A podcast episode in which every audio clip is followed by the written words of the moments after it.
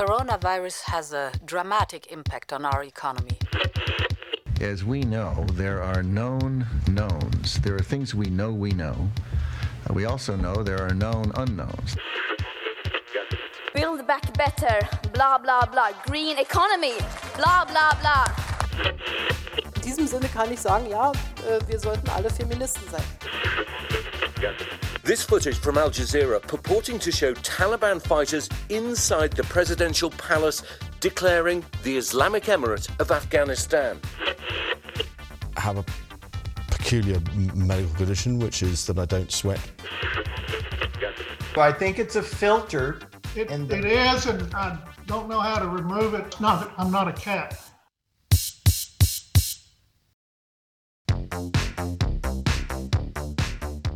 Þú ert að hlusta á heimskviður Í heimskviðum er fjallað um það sem gerist ekki á Íslandi. Ég heiti Birta Bjöstóttir. og ég heiti Guðmundur Björn Þorbjörnsson.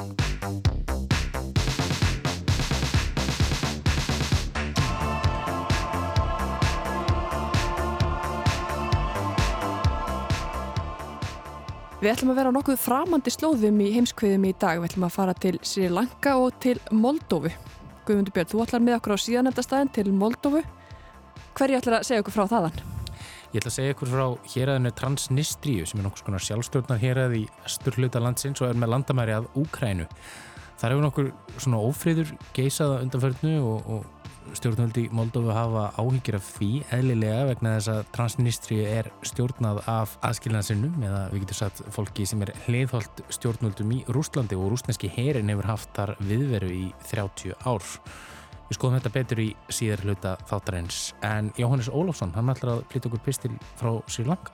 Já, því að það er rétt rúmur mánuðliðin frá því að neyðar ástandi var líst yfir á Sri Lanka í Indlandshafi vegna fjölmennar mótmælaöldu. Það er sögð dýfsta efnagaskreppa frá því að eigin fekk sjálfstæði frá breytum árið 1948. Þau sem mótmæla krefjast þess að fósiti landsins, Gotabaya Rajapakasa, á samt ríkistjórn segja af sér vegna myndrar spillingar og vanhæfni. Mótmælinn hafa verið afar hörð. Lauruglan beitti í þó nokkur skipti táragasi á mótmælendur sem köstuðu múrsteinum á móti og kveiktu í bílum. Fósittin létt loka fyrir samfélagsmiðla og gaf her og lauruglu rýmri heimil til að handaka mótmælendur og fangelsa án dóms og laga eftir að reynt var að brjótast inn í fósitahöllina. Rajapakasa hefur nú samþygt að nefnd fari fyrir því að stopna til bráðabyrjastjórnar í landinu að allir þingflokkar taki sér saman til þess að vinna saman að því eina markmiði að halda ríkiskassanum á floti og tryggja efnaðslegt auðriki landsins til framtíðar. Jóhannes Ólafsson rínir nú í stöðu Sri Lanka og ræðir við Ásker Brynjar Torfason og Guðbjörgu Ríka í Haugstóttur.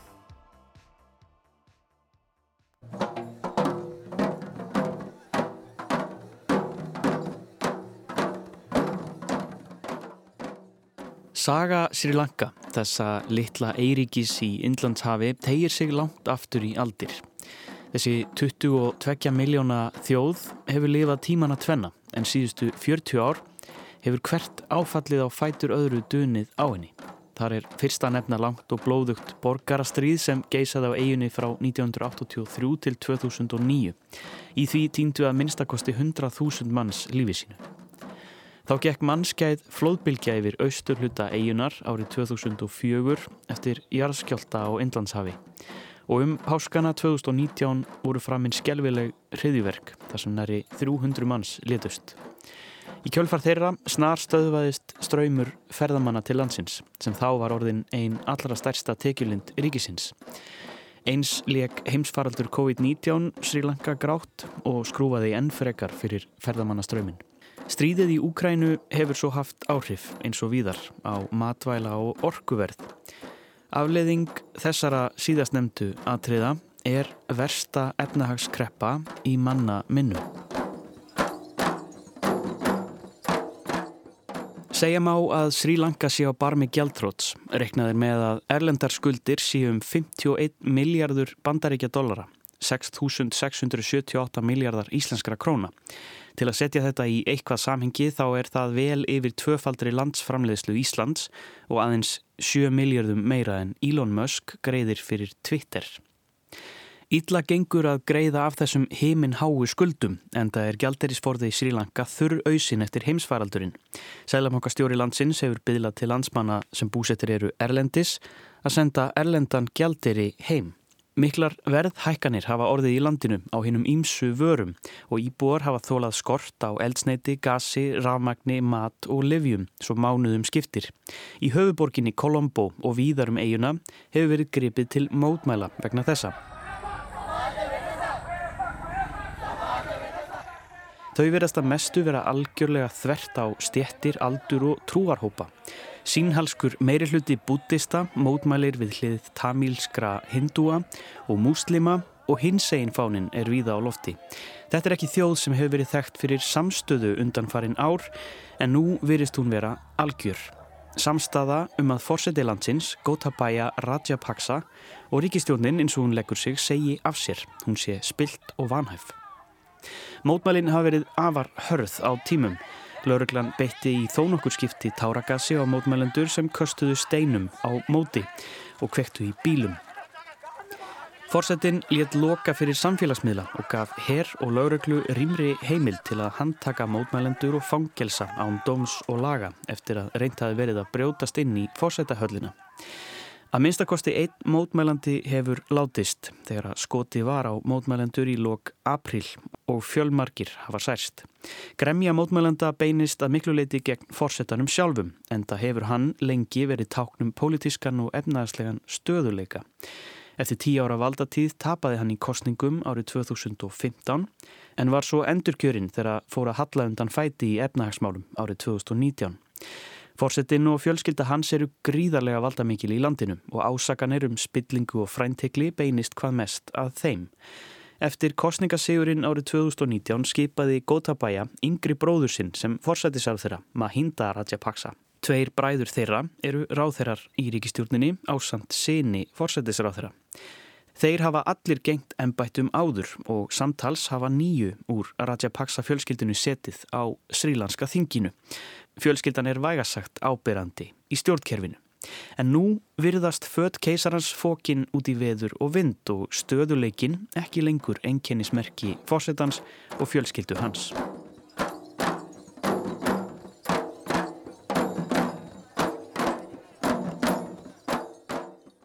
Eitt af því sem hefur gert Sri Lanka svo skuldsett er mikil og hröð innviða uppbygging.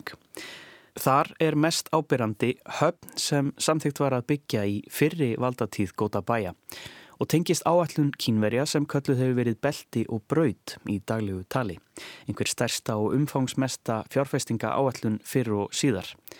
Það er nokkuð á reiki hver margar þjóðir eru formlega hluti af áallunni en þær er á bilinu 139 til 146. En þótt um síðan ræða samninga og uppbyggingu sem er viðskiptalegs eðlis, líta sumir á þetta sem mögulegt pólitíst útspil gagvart efnahagslega veikar í ríkjum og í verstafalli öryggisógn. Nokkrar þjóðir standa í miljardaskuld við Kína vegna þessa verkefnis og eitt af þeim ríkjum er Sri Lanka og þar kemur höfnin stóra við sögu. Guðbjörg Ríkei Tóratsen Högstóttir er doktorsnemi í stjórnmálafræði við Háskóla Íslands.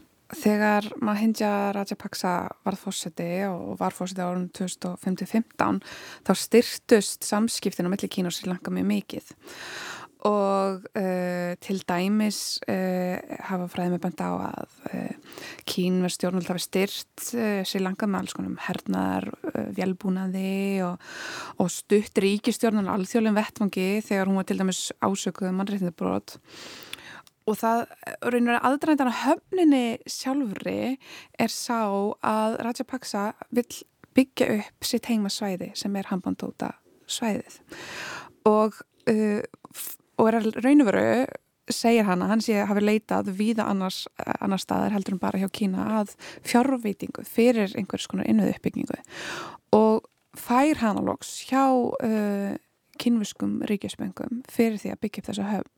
En það sem hefur komið ljós eins og þú bendir á er að það er kannski ekki miklir uh, viðskiptilegar ástæður raunveru, það var kannski ekki búið að rannsaka nú vel að hversu mikil skipa umferð yrði að lokum því að það verður komið ljós að það er mjög lítil umferð, lítil sem engin og þá fástörf og þannig að það búið taka gífurlega stór lán fyrir uppbygging og höfn sem er lítil sem engin umferð um. Allavega enn sem komið er, en belti og braut er líka langtíma áallun. Já, ég held að þetta sé langtíma þróun og, og, stjórnvöldsir langaði þetta verið að reyna að finna nýja leiðir að því að auka fjármagnin til landsins og að vissuleiti er þetta belt og braukt, hérna auglýst eða selt sem einskonar svona, kannski ekki undur en sem einhvers konar lausn og að því að auka viðskipti og með því að taka þátt í belt og braut þá munum viðskipti aukast og allt þetta. En svo kemur í ljós að það er ekki nóg að byggja bara innvið, það þarf meira til. Og það er einhverju þetta sem er verið að gaggrina að segja sérstaklega bandar í stjórnvöld segja að þetta sé raun og veru skuldagilda, að þetta er auglist sem eitthvað undralif sem það er auglustlega ekki ef við horfum til Sri Lanka og að með þessu séu kynum stjórnvöldurinn voru að taka yfir innviði annars ríkis e, í stað þess að þetta sé einhverju raun og veru viðskiptilegir hagsmunir þarna á bakvið. Þetta allt saman hefur vakið spurningar, sérstaklega á Vesturlöndum, í þó nokkur tíma um hvort og þá hvað kínverjar hafi í raun í hyggju með þessum áallunum og einhverjir hafa áhyggjur. Það eru auðvitað aukinn spenna á Índlandshafi þegar kemur á öryggismálu. Við sjáum að Kína og Pakistan eru að styrkja samskipti sín tölvert. Við sjáum að eh, Kína og Sri Lanka eru auðvitað í ágætis sambandi og sérstaklega þegar kemur á Beltabraud. Kína líka byggja upp ímsa uh, innviði í Djibouti og er til að mynda með sína fyrstu uh, herstöð Erlendis í Djibouti.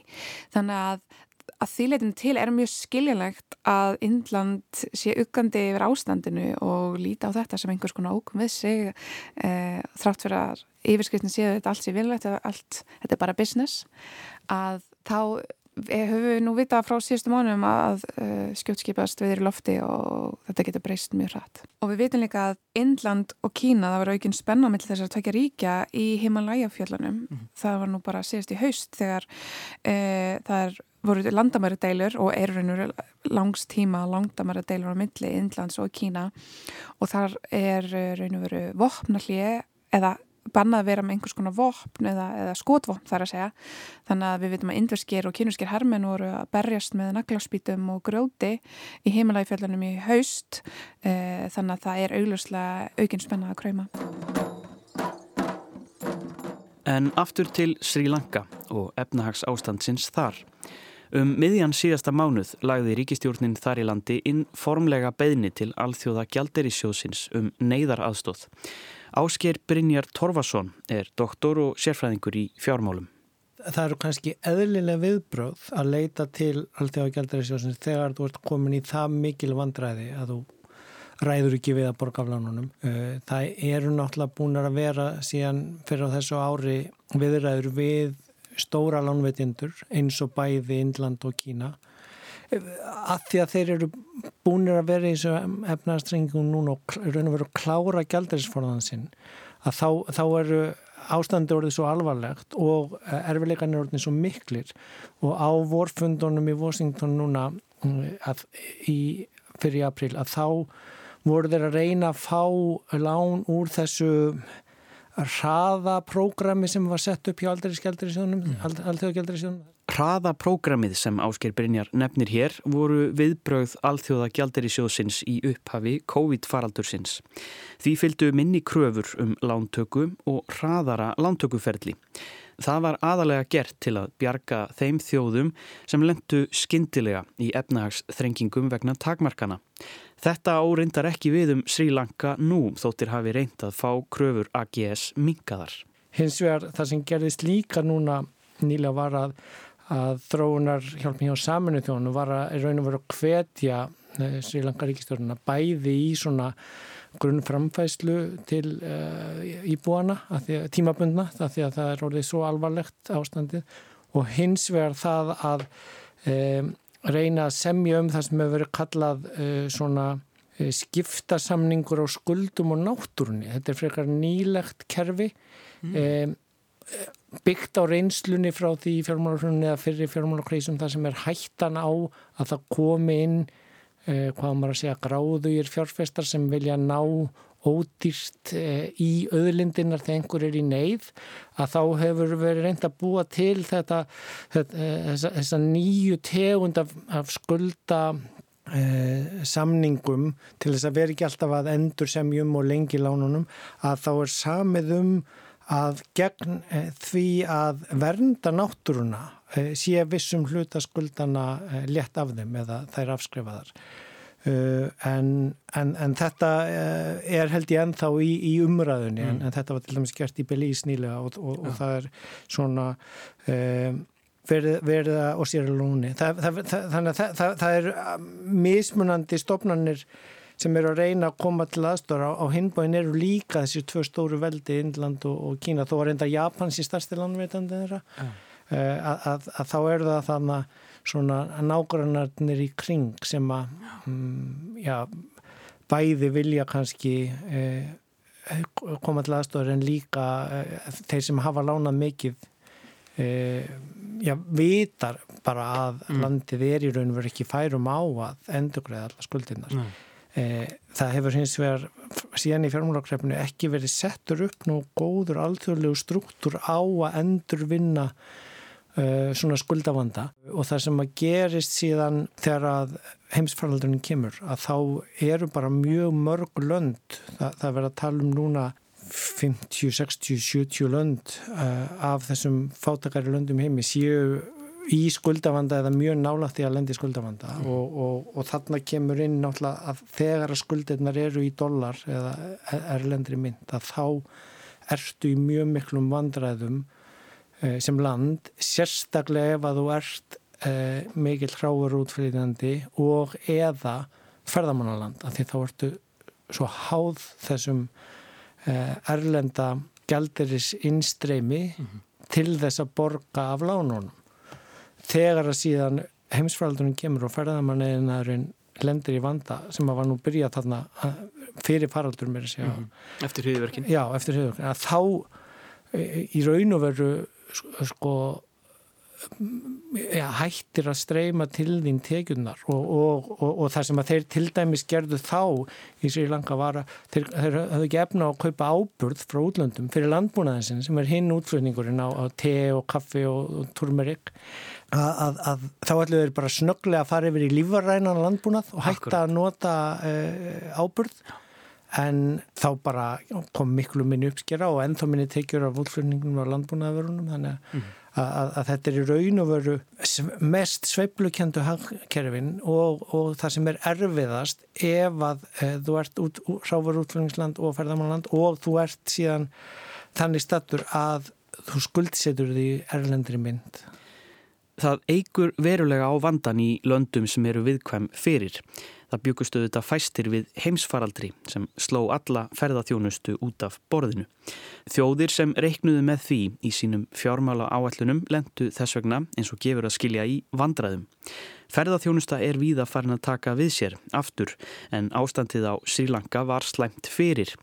Því hriðiverkin árið 2019 höfðu dreyið all verulega úr ferðamannaströmmnum. En svo bættist stríðið í Úkrænu við þegar að margar þjóðir voru að komast út úr faraldrinum. Verðbólgan sem kom eftir endurreysingu hagkerfisins var í fyrstu talin tímabundin við það högt að koma öll í gang aftur og leysa úr vanda vöruflæðis. En þegar matvælaverð og orkuverð ríkur upp vegna stríðsins skapast allt önnur staða. Þjóðir sem reyða sig til dæmis á ukrainst korn eða rúsnest get ekki endilega bjarga sér með því að sá sjálfar. Fátækustu löndin og þau ríki sem voru verst sett fyrir stríðið lenda af þessum sökum í mestu vandræðunum. Hækkun á heimsmarkasverði, ímissa nöðsinja vara, lendir sem sé ofan á þeim vanda sem var fyrir, að gjaldiristekjur falla. Á mannamáli engir peningar inn og allt hækkar í verði. Eh, sko við erum átt okkur að því Kína í raunum voru helt heimsækjörn og gangandi eftir fjármálartrönnið. Var þá það eh, efnahagssvæði í heiminum sem að gerði uppbyggingu á grænuhagkerfi, borgum, eh, orguverum meðan að megnið af efnahag heimsins var í Lamassessi fyrstu árin eftir 2008 krísuna. Mm. Ég held að Kína hafi eitt eh, eh, jafn miklu sementi á árunum 2013 til 16, semst á tremur árum, eins og bandaríkin á allir í 2000-öldinni. til þess að maður skilju uppbygginguna sem maður fór í gang og síðan fara þeir í þessa uppbyggingu sem sagt út fyrir landsteinana í þessari beltobraut. Uh, vextir eru náttúrulega mjög lágir fjármagn er, er ódýrt og uh, hins vegar þegar þú ert lánveitandin og tekur veð í því sem er verið að byggja, hvort sem það er húsbygging í Reykjavík eða, eða, eða höfn eða orkuverð út í heimi, mm -hmm. að þá uh, ertu með trygginguna í veðinu. Það er að segja, að ef að lánið er ekki borgað, að þá færðu eignina sem liggur láninu til veðis. Og Sri Lanka gæti verið aðeins eitt af mörgum ríkjum þar sem ástandið var alvarlegt sem lenda í slíkum skulda vanda. En tíminn einn getur leittiljós hvort svo verði. Sri Lanka er ekki að fara að valda einhverju skuldakreppu í heiminum. Það er bara, þetta er þeirra vandi. Þetta er lítið land, eh, reyndar 22 miljónir en, en, en, en í hagstærðum ekki, ekki svo stórt. Mm. Hins vegar er talað um það í, í svona alþjóðlegum viðskiptamilunum að, að þeir gætu verið svona bara fyrsta dæmið af mörgum sem munu eiga eftir að koma vegna þess að þessir sem standa veikast fyrir eru, eru já, komnir í skuldavanda eða, eða að nálgast skuldavandan mjög hratt.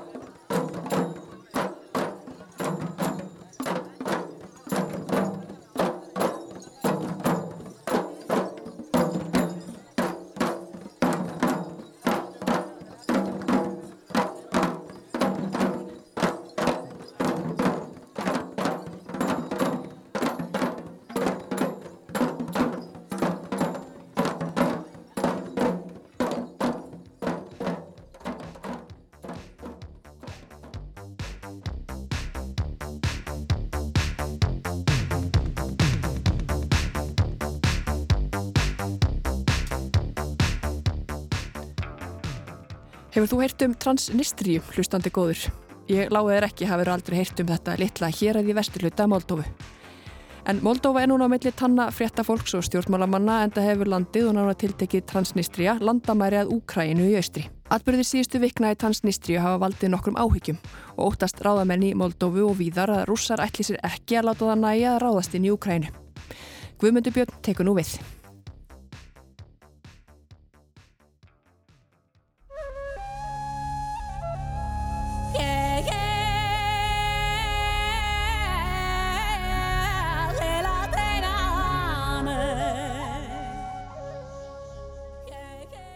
Í litlu og landlugtu landi, austan Rúmini og söðuvestur af Úkrænu, búið 2,5 miljónir manna.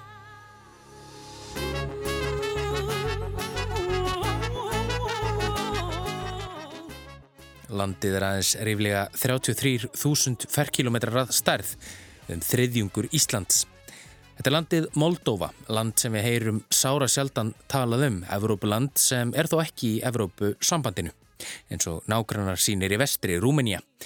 Moldovar eiga þó eitt og annað sameinlegt með rúmenum. Mart er líkt með menningu þjóðana og rúmenska eitt fjögura ofinbæra tungumóla í Moldovu og tæp 70% landsmanna hafa rúmensku að móðurmáli. Ukrænska er annað ofinbært tungumóli í landinu en það eru löndin nágrannaríki. En það er rúsneska líka. Áhugavert. Hvernig skildi standa á því? Rúsland á alls engin landamæri að Moldófu og tæpir 5.000 kilometrar skilja löndin að, gjörfull Úkræna frá vestri til östus. En það þýr þó ekki að þær séu engir rússar. Ó nei, ekki betur að því síðar. Undarfarna daga og vikur hafa dölafullar sprengjuárasir átt sér stað í vesturluta landsins á svæði sem kallað er Transnistria og á landamæri að Úkrænu. Engin segist bera ábreyð á þeim en kunnulega rattir hafa tekið að hljóma frá Moskvu og stjórnvöldi Moldófu óttast nú að vera dregininn í tilhæfilust stríð, átök sem gætu nú í fyrsta sinn tekt sig út fyrir landamæri Úkrænu og enn vestar inn í Evrópu.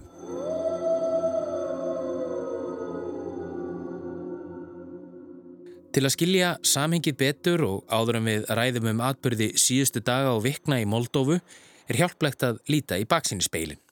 Meiri hluti þess landsvæði sem í dag telst til Moldófu var hluti af moldófska fyrstadæminu svo kallaða sem varði frá 14. öld fram til ásins 1812. Þá að loknum 6 ára átökum millir rúsneska heimsveldisins og ottómana sem lauk með sigri þeirra fyrir nefndu gáfu ottomanar landsvæðið eftir til russa og var það kallað Bess Arabia. Um miðja 19. öld var svæðið um stund hluti af Rúmeníu en fjall aftur undir stjórn russa 1878.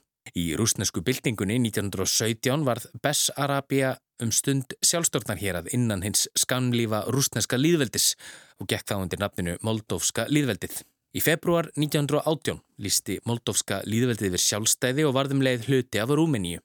Þessi ákverðun fór ekki vel í ráðamenni hinnum þá nýstofnuður Sovjetríkjum og árið 1924 var hluti svæðisins innlimaður í Sovjetríkin. Við lok síðari heimstyrjaldar var Moldova svo að fullu innlimið inn í Sovjetríkin og var þeitt af 15 Sovjet líðveldum Sovjetríkjana. Já, Moldova var hluti af Sovjetríkunum. Þar hafiði svarið við tungumálaspurningunni. Jábel þótt landsmenn hafi ávalt tengt mun meira við nágrann sína í vestri, Rúmena, þeirra menningu, siði og tungumál, en hugmyndir þeirra sem stjórnuði í Moskvu. Við fall Sovjetríkjana listu Moldovar yfir sjálfstæði og í februar 1990 voru fyrstu líðræðslegu kostningarnar haldnar í landinu og í mars 1992 var landið formlega viðurkent sem sjálfstætt ríki af saminuð þjóðunum. En yfir áð Sovjetríkjana yfir þessu landsvæði hafðu haft sína áhrif.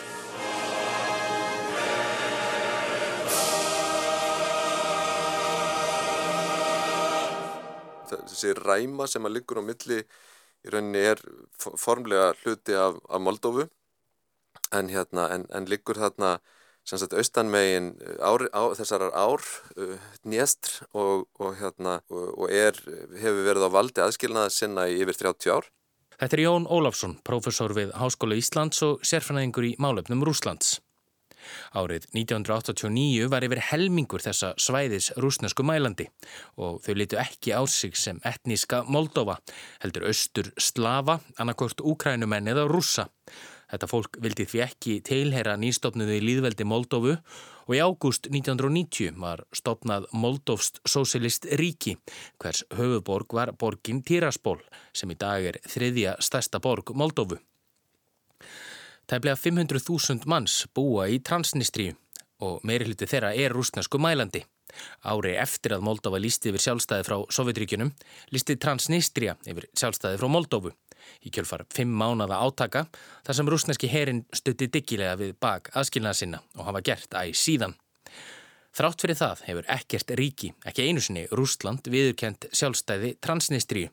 En þessi deila, þessi frostnu átök, ef svo máð orði komast, hefur gert Moldófu erfitt um vika og alþjóða vettvangi og Moldóvar geta því til að mynda ekki gengið í Allandshafsbandalæð, ekki frekar en Georgia. Ekki frekar en Georgia segi ég, jú því árið 2008 þegar stjórnult í Georgi, döðruðu við aðeldað NATO, reðust russar inn í Suður Ossetíu og Abkassi í norður hlutalandsins og hafa haft viðveru þar æg síðan. Og rússar hafa náttúrulega stutt þetta alla tíð og þar er núna rúsnastellið. Rússar komu transnistriumönnum til aðstóðar og varð niðurstaðan vopnalli og stopnur nokkus konar öryggissvæðis og eins og Jón segir hafa rússar haft herlið þar æg síðan.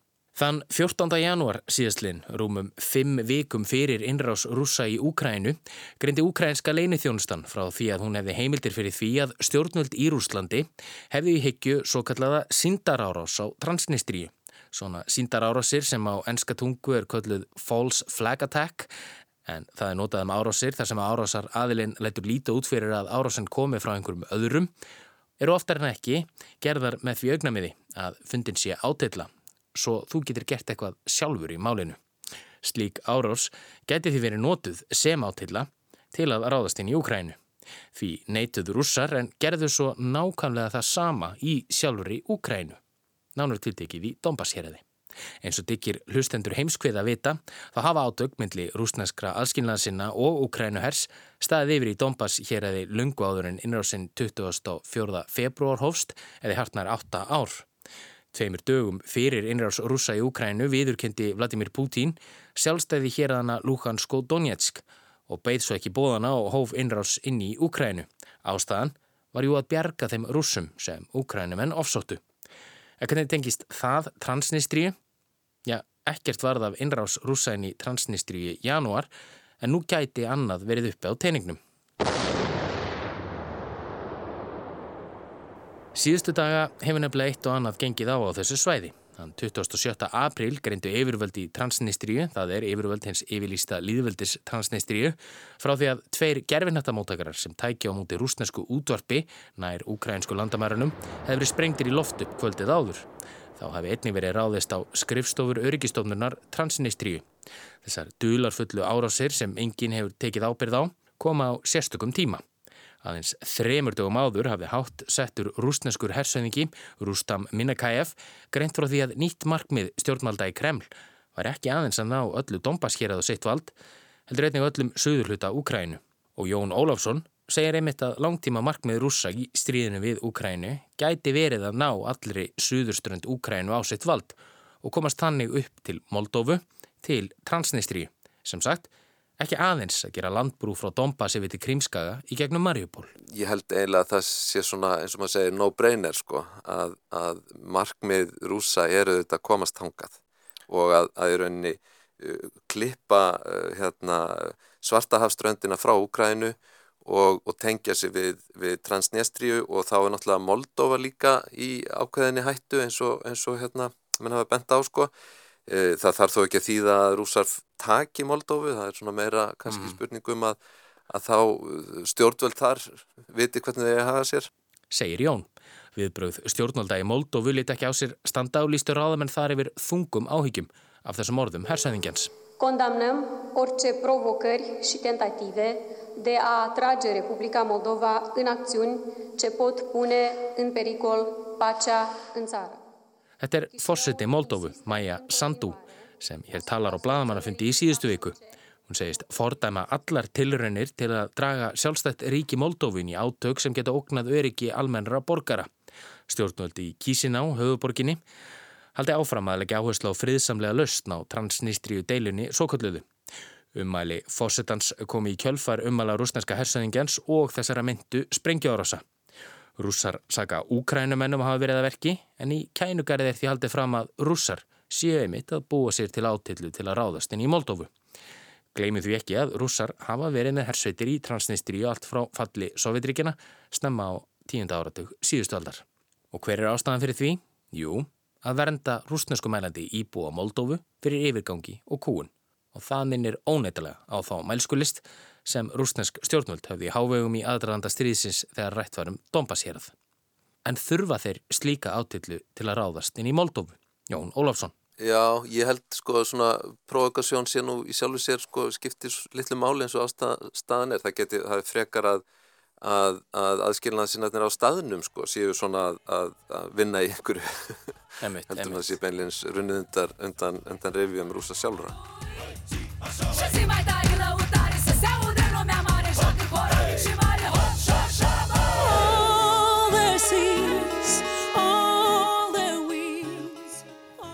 Volodymyr Selenski, fórsett í Úkrænu, hefur sagt augljóst hvað rússar hafi í huga. Þeir vilji skapa glundróða og ótta í Moldófu og sína þeim að ef Úkrænumenn fái þaðan stuðning neyðist rússar til að grípa til aðgerða. Sandu, kollegi Selenskis í Moldófu, kallaði þjóðurörgisar á landsins saman í síðustu viku og hefur kvart íbúa landsins til að halda rósinni. Leðtögi Transnistríu, Vladim Krasoneski, er þó ekki á sama máli og sakar Úkrænustjórnum að bera ábyrð á hriðiverkum í Moldófu síðustu daga. Hafa byrji huga Transnistria er í aðeins um 100 km fjarlæð frá borginni Odessa sem rússar hafa þegar ráðist á. Liðs Tröss, auðverkisar á þeirra breyta, saði á dögunum að í ljósi þessa verði alþjóðsamfélagið að tryggja að sjálfstæði landana í kringum Úkrænu verði tryggt. We must ensure that alongside Ukraine, the Western Balkans and countries like Moldova and Georgia have the resilience and the capabilities to maintain their sovereignty and freedom. Þar á meðal, Georgi. Sjós Michel, fósetti Evrópuráðsins, sótti Moldófi heim í vikunni og rætti þar við Mæju Sanda á fósetta. Það sagði hann, Evrópussambandið hafa þegar stutt myndarlega við bakið á Moldófum og sástuðningur muni halda áfram, meðal annars í formi hergagna. About the, the military support to, to Moldova, some decisions are already taken. For instance, we intend to increase our support in the field uh, of uh, uh, logistics or cyber defense, for, for instance. Uh, but today, with also a discussion in order to see uh, how we can uh, provide more military support, more military building capacities to Moldova. Michelle bætti því við að það veri ekki viturlegt að tjásugum stöðuna í Transnistríu hún væri eldfim. extremely important for us uh, to, to avoid any escalation. Uh, we, we don't think uh, uh that uh, it's, uh, it's, it's, it's, it's, smart or it's intelligent to, to express provocative statements about the situation in Moldova or in Transnistria. We want to prevent any incident. Fara þurfi öllu með gát, sagði fósiti Európaráðsins og koma þar við vekk fyrir að ólju verði held á eldin. Og dölafullu sprengingarnar í síðustu viku komu einningen á borð bandariskra stjórnmalda. As I believe you've heard, we are aware of the explosions that occurred yesterday uh, in Transnistria. We're closely monitoring the situation uh, as we determine what happened. Þetta er Ned Price, talsmaður bandaríska uterikisaraðunetisins. Við erum meðvituð um þessar sprengingar í Transnistri og fylgjumst náið með stöðunni, sagði hann. Og bætti því við að bandaríkin stittu líðræðislega kjörin stjórnvöldi í Moldófu fyllilega og tæki undir ákall þeirra um að mikilvægt sé að bregðast við af yfirvegun. Þá sagði hann einning að í yfirlýsingum stjórnvalda í Rúslandi og hersöðingja á borðið Rústam Minnakæf sé hægt að finna ákveðið minnstur. Þetta sé áróður og ummalinn felísir aurun og slíkar yfirlýsingar séu mjög óabryggar. We have seen in recent weeks a pattern of bellicose statements and whether you call them statements, whether you call them bluster, whether you call them propaganda, um, this has become a pattern. Uh, these certainly are provocative statements. Uh, we think they are deeply irresponsible. Þær séu, sagði Præs ennfremur, enn einn tilrönd rúsneskra stjórnvalda til að draga aðteglina frá því hversu illa innrástera í Úkrænu hafi gengið og frá þeim hryllingi sem nú eisir staði í Úkrænu, frá algjöru viljaleisri rúsneska stjórnvalda til einhvers konar samningavirðana og þá séu einnig með slíkum yfirlýsingum að reyna að endurskrifa söguna. Uh, we deem them to be a continuation of the Russian government's very clear attempts to distract from its failure in Ukraine, to distract from the brutality uh, that it is perpetrating on the Ukrainian people, to distract from its apparent unwillingness to negotiate in good faith, uh, and to distract from its history against its neighbors. Saði Ned Price, en hættan er sannlega til staðar. Ég talaði hér áðan um að transnistri og deilur ráðamenna þar við moldófsk stjórnvöld undanfarnar þrjá áratvíi sé svo gotuð frosinn átök.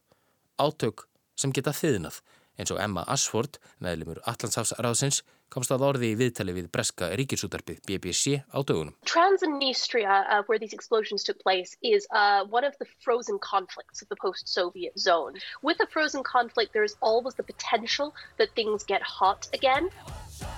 All their seas, all their wings, all their feelings that you get